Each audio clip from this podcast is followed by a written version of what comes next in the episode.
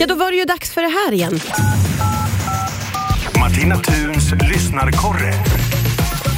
Ja, visst, vi vänder örat mot Skara för där finns Ulf Dahlberg. Hur är läget Ulf? Hej Martina! I Skara regnar det men jag är ändå positiv. Jag säger som Astrid Lindgrens Madicken, jag känner livet i mig. Ah, underbart! Och Ja. vi ska fokusera på, ja men vi ska prata om lite lathet idag vi.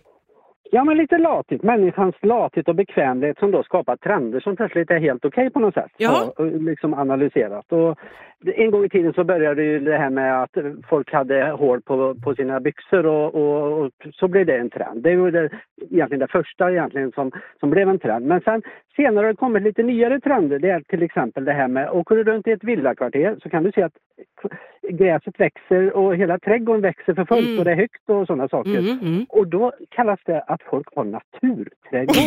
ja, precis. Ja. Det är så bra för fjärilar och annat. ja, men jag tror ju sedan att Torsten och Barbro som bor i det huset tycker det är mycket roligare att streama serier än att gå ut och klippa gräset.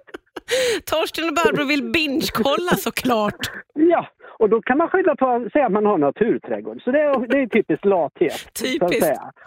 Sen- liksom, sen har vi det här med den här inredningsstilen som kallas. Eh, Den är ju liksom baserad på slitna och patenterade möbler. Ja. Här tror jag också det har uppkommit en gång i tiden att, att eh, någon inte ville slipa och greja med de här möblerna och, och, och helt enkelt, vi låter dem stå kvar och plötsligt så är det shabby chic. Och förlåt Ernst, men rost kan vara snyggt men det bildas ofta på grund av att folk inte vårdar sina, sina prylar tillräckligt Nej, det där är latheten.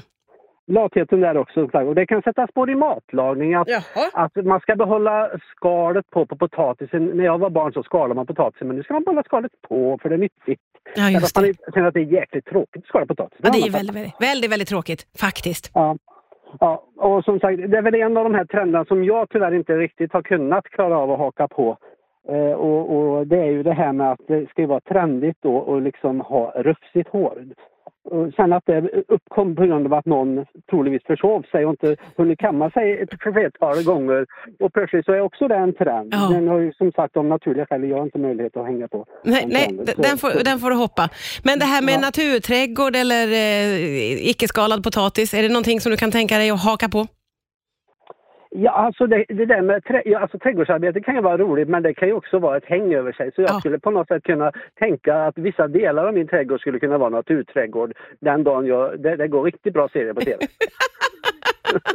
Då är du där hos Torsten och Barbro och binge-kollar tillsammans. ja, då, då hoppas jag de har en plats även för mig.